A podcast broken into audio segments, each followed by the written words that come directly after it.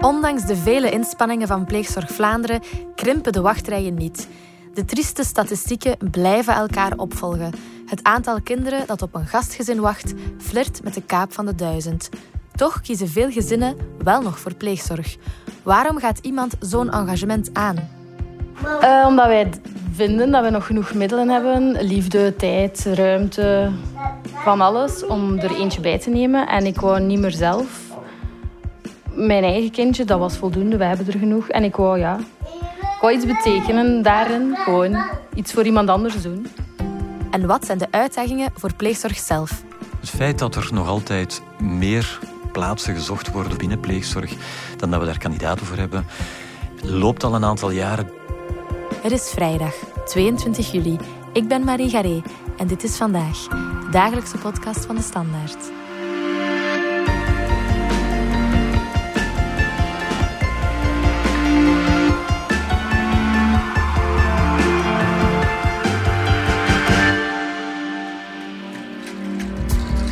Hallo, ik ben Elke. Ik ben getrouwd met Pieter en ik heb twee kindjes. We hebben ervoor gekozen om in pleegzorg te stappen en voor een perspectief biedend kindje te gaan. Dat wil zeggen dat er een kindje kan bij ons terechtkomen voor lange duur. Pleegzorg is ook zo dat er heel veel contact blijft met de ouders. Daarom dat we er ook zo achter staan, omdat we wel vinden dat kindje zijn, zijn basis en roots wel moet mee hebben en nog steeds moet kennen. Elke van Bokstalen en haar man zijn niet het enige gezin in Vlaanderen dat de deuren openstelt voor een kind in nood. In 2021 kwamen er 218 nieuwe pleeggezinnen bij. In totaal telt Vlaanderen er bijna 7000. Maar toch is er dus nog een tekort. Dat legt Jan Brocatius, woordvoerder van Pleegzorg Vlaanderen, uit. Inderdaad, we kunnen eigenlijk wel spreken van een structureel probleem. Pubers, daar vinden we minder uh, kandidaten voor. Ook zeer kleine kindjes, en dan denk je maar aan terug de onderbroken nachten, de luiers verversen en dergelijke meer. Broers en zussen uit één gezin, waar dat iedereen van oordeel is van het is best dat we deze kinderen samenhouden. En ook kinderen met een handicap. Wanneer er sprake is van handicap of vermoeden van handicap, ja, dan merk je toch wel dat ook daar uh, mensen zeggen van oei, uh, ik weet niet of we dat gaan aankunnen. En wat dan nog eens gebeurt, is dat er soms combinaties zijn. Hè? Dus waar dat het gaat over broers en zussen, waar er eentje een handicap heeft of waar dat eentje nog al in de puberleeftijd zit en dergelijke meer, ja, dan voel je al van dit is niet evident om daar een plek voor te vinden. Dus het zijn vooral eigenlijk die situaties die op onze wachtlijst staan. Elke en Pieter kozen ervoor een baby op te nemen in hun gezin. Maar voor hij effectief naar hen kwam, waren er al bezoekmomentjes. Nu aan het wachten in de auto om mijn zoon op te pikken van school en dan door te rijden naar ons pleegzoontje om die dan op te gaan halen en dan voor een bezoekmomentje bij ons thuis. Ik kijk er weer enorm naar uit als hij niet bij u is of je hebt, geen, je hebt een dag dat je hem niet gaat zien, dan schermt je enorm af van de gevoelens. Maar eens dat je dan weet dat hij naar u komt en dat je hem op bezoek hebt, dan, ja, dan voelde die liefde weer helemaal. Voor Elke was het wachten niet altijd gemakkelijk.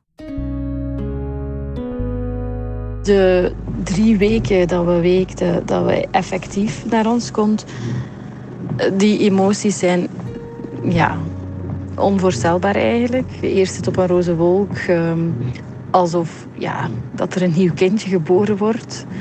Maar ook zo dubbel, want ja, hij is al eigenlijk in een ander gezin. Hij hoort ook bij een ander gezin thuis, waar we heel veel respect voor hebben. Maar ja, het is heel veel blijdschap en dan weer onzekerheid. En soms ook verdriet om dan telkens weer te horen... Ah, het is nog een week dat we moeten wachten eer dat hij bij ons kan komen. Heel veel machteloosheid, um, maar vaak overheerst wel de blijdschap.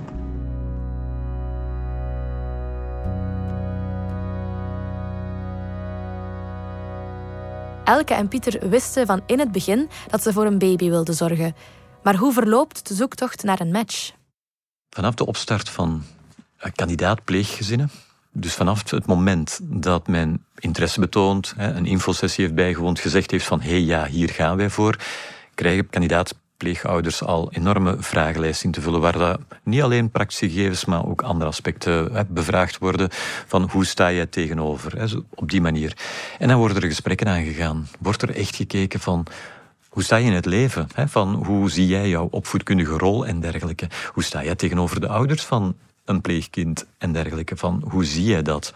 Om op die manier dat pleeggezin ook veel beter te leren kennen. Maar ook aan de kant van het kind, de jongere, de volwassenen, uh, gaan we kijken van proberen in kaart te brengen. Ook te screenen van wat zijn de interesses, wat zijn de hobby's. Natuurlijk wordt er ook met de ouders, uh, wanneer die in beeld zijn, wordt daar ook echt samen mee gekeken van hey, zie je het zitten dat hè, jouw kind naar zo'n pleeggezin gaat.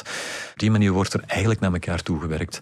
Dat is in de ideale situaties. Natuurlijk, bij crisispleegzorg spreken we over een andere situatie. Hè, wordt er sneller gematcht, want ja, spreken over crisissituatie. De pleegzoon van Elke kwam via crisiszorg.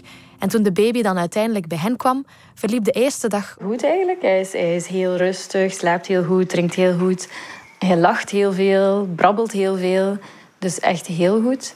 En nu komen de praktische zaken, denk ik, de afspraken met de ouders. Wat wel en niet kan, ook in functie van de mama en papa. Dat gaan we nu ook nog bespreken met hun. En na een week gaat alles goed.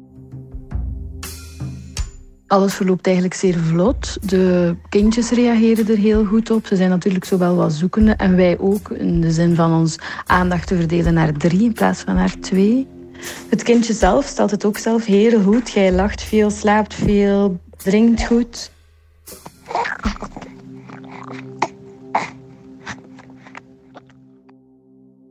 Voor hij naar ons kwam, is hij drie maanden in een crisisgezin geweest. Je merkt dat ook echt. Hij is heel goed gehecht geweest. Hij heeft daar heel veel liefde gekregen. Dan merk je aan hoe makkelijk hij zich hier kan aanpassen aan ons. Um, er zijn wat afspraken geweest met de ouders en pleegzorg zelf, waar we zeker aan vast achter kunnen staan en die dat we ook gaan respecteren. Afspraken gaat eigenlijk in um, grenzen die de ouders stellen in wat zij zeker willen qua ouderschap naar het kind toe. Op zich beslissen wij de dagdagelijkse dingen. Is er een doktersbezoek nodig? Moet zijn haar geknipt worden? Heeft hij nieuwe kleren nodig? Maar toch kan het zijn dat ouders hier ook een inspraak in willen en dat we eerst aan hun moeten vragen of dat het echt wel kan. Pleegzorg is sinds 2014 stevast de eerste optie bij uithuisplaatsing van minderjarigen. Een hele goede zaak. Vanuit wetenschappelijk onderzoek, ook langdurig onderzoek, is gebleken van dat voor heel veel kinderen en jongeren uh, het opgroeien in een gezinscontext tot betere kwaliteit, tot betere groeikansen, ontwikkelingsmogelijkheden leidt dan andere vormen. Het is niet zo dat voor elk kind automatisch het betekent van pleegzorg is de beste optie. Wat er al gebeurt ondertussen binnen pleegzorg, maar ook door andere hulpverlenende instanties die soms ja, bepaalde situaties toeleiden naar pleegzorg, is dat er veel meer ook naar het netwerk al gekeken wordt van die kinderen, jongeren, volwassenen. Dat er al veel sneller gekeken wordt ook, is er daar een grootouder, een tante, een leerkracht, uh, iemand uit de omgeving die daar al nu al misschien een specifieke rol in opneemt en die misschien die rol mag uitgebreid worden, maar dan omkaderd, ondersteunt, begeleid vanuit pleegzorg. Het, in het belang van het kind is het goed dat dat de eerste te overwegen optie is. Het is niet ons idee dat we de wachtlijst willen gaan wegwerken door te zorgen dat er minder kinderen toegeleid worden naar pleegzorg. Als pleegzorg de beste optie is voor deze kinderen, ja, dan, moeten we, dan is het veel belangrijker dat we die noodkreten af en toe moeten herhalen, dan dat we gaan zeggen van, ah ja, nee, wacht, we gaan eens even zorgen van hoe krijgen we die lijst terug proper, zodat we kunnen zeggen, zie, we zijn helemaal bij, er is geen wachtlijst meer. We gaan er even uit voor deze boodschap. Ondernemen. Het start altijd met een idee. Dat was dan het idee van we moeten een verzorgingsproduct maken dat eerst en vooral goed werkt, dat ook wel helemaal gezond is en ook goed is voor de planeet. Acteur Matthijs F. Schepers sprak met vijf jonge ondernemers die duurzaamheid hoog in het vaandel dragen. Zoals Thomas en Hilde van het verzorgingslabel Ray. Benieuwd hoe deze starters hun ideeën hebben waargemaakt? Ontdek De Waarmakers, een podcast van Proximus. Proximus. Think possible. Terug naar de pleegzorg. Een buitenstaander denkt vast pleegzorg. Daarvoor moet je perfect in het plaatje passen en een kei zijn in administratie. Criteria om pleegouder te worden zijn eigenlijk helemaal niet zo streng. Er zijn eigenlijk twee objectieve criteria. Je moet meerderjarig zijn en je moet uh, dat attest kunnen afleggen van wat dan heet in de volksmond goed gedrag en zeden.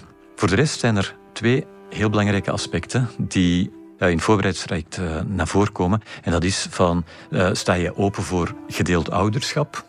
Want ouders blijven in beeld. Dus naast die gedeelde opvoeding is er het aspect van tijdelijkheid. Pleegzorg houdt altijd dat aspect van tijdelijkheid in. In de praktijk gebeurt dat regelmatig, van als het effectief over een tijdelijk engagement gaat. En natuurlijk kan jij dat kind een stabiele, veilige omgeving geven. We merken eigenlijk dat de pleegzorgdiensten zelf niet zoveel mensen afwijzen. Dat het heel vaak mensen zijn die zichzelf uitselecteren terug. En we hebben er ook alle belang bij dat het mensen zijn die het zeer wel overwogen doen. Dus op een kwalitatieve manier daar bewust bij stilstaan dat het niet iets mag zijn van ik heb een noodkreet gehoord, hier wil ik iets voor betekenen. Ja, je gaat echt wel een engagement aan. En dit is niet iets van trial and error. Wij willen die error zoveel mogelijk beperken. Het is een heel groot avontuur. Je weet niet echt waar dat je aan begint. Je moet met, heel veel mensen rekening houden. En dus dat neemt heel veel tijd in beslag. Het proces is uiteindelijk op het einde van de rit wel vlot gegaan. Natuurlijk moet je met veel partijen rekening houden. Um, hij is tijdelijk in een crisisopvang geweest. Um, je hebt dan de echte ouders. Je hebt ons dan. Je hebt pleegzorg zelf. Je hebt de jeugdrechter. Je hebt de consulent. Er zijn heel veel mensen dus die iets willen bereiken. En, en, en uiteindelijk hangt het allemaal af van de jeugdrechter en de consulent. En pleegzorg tracht daar dan wel tussen te komen. Dus vlotter gaan of weet ik... Ja, dat is, dat denk ik een moeilijke zaak gewoon. Het hoeft op zich niet gemakkelijker, want je hebt die informatie echt wel nodig. En de, in, ja, de pure administratie effectief, ja... Dat gaat denk ik lastig en blijven in België. Er, komt, er zijn zoveel partijen met wie dan ze moeten rekening houden. Dus ik snap dat wel ergens hoor. En dan het proces die we met pleegzorg zelf hebben meegemaakt, ja, dat is ook onveranderd laten. Toch is niet alles even goed geregeld. Voor de pleegzoon van Elke is er bijvoorbeeld geen plaats te vinden in de kinderopvang. Dat is iets heel teleurstellend. Wij dachten dat dat heel vlot zou gaan, want pleegkinderen krijgen voorrang. Maar voorrang is er enkel wanneer dat er plaats is. En aangezien dat er momenteel nergens plaats is, hebben we ook nergens voorrang. En staan wij ook op een wachtlijst van een jaar, een jaar en een half. Hier en daar is er een plekje vrij, maar dan is dat dan 25 minuten rijden. En dan zit het overwegen waar, dat weten we nog niet zo goed. Dus ja, dan is het nog even een, eh, een zoektocht. Dat is het verschil. Hè. Als, je, als iemand zelf zwanger wordt, eh, een koppel zwanger wordt, ja, het eerste wat ze bijna gaan doen is al een plekje gaan reserveren in de kinderopvang. Dat is bijna niet organiseerbaar binnen uh, pleegzorg. Kinderopvang dus. Dat is een groot probleem in Vlaanderen. Welke grieven hebben pleegouders nog? Pleegzorgers vragen om tijd om op een kwalitatieve manier aan die opvang te doen. Daar heeft de federale wetgever al een stuk aan tegemoet gekomen door het pleegouderverlof in te stellen. Vergelijk dat een beetje met de moederschaps- en vaderschapsrust, dus uh, na de bevalling. Maar ja, dat gaat natuurlijk over die eerste periode. Naderhand, ook als dat kind heel lang in een pleeggezin zou verblijven, dus heeft een pleegouder geen recht op dit ogenblik op dat ouderschapsverlof. Daar wordt de privé-werkbalans ja, zwaarder belast. Dat is echt een heel terechte eis van pleegouders in langdurige pleegzorg. Van stel dat open, want dat gaat de drempel om in te stappen enorm verlagen. En wat moet er gebeuren om de wachtlijsten in Vlaanderen weg te werken? Maar, maar niet vergeten dat het over vrijwillig engagement gaat. Hè. Dus het is niet een kwestie van, oh, als er meer middelen zouden zijn dan. Het gaat hier niet over, moeten zoveel mensen kunnen aanwerven of wat dan ook. Het gaat over mensen die een vrijwillig engagement opnemen. Ze moeten die kunnen aanspreken, maar moeten die mensen kunnen vinden, kunnen warm maken om zo'n engagement op te nemen. De grootste uitdaging voor ons is om pleegzorg dag in dag uit dat beetje beter te maken. Dus uh, te zorgen dat het beter gekend is, zodat er meer mensen zich een juist beeld kunnen vormen over pleegzorg, zich daar ook over informeren. Dat we een beetje dat taboe ervan kunnen wegwerken, waardoor ook mensen die stap zetten.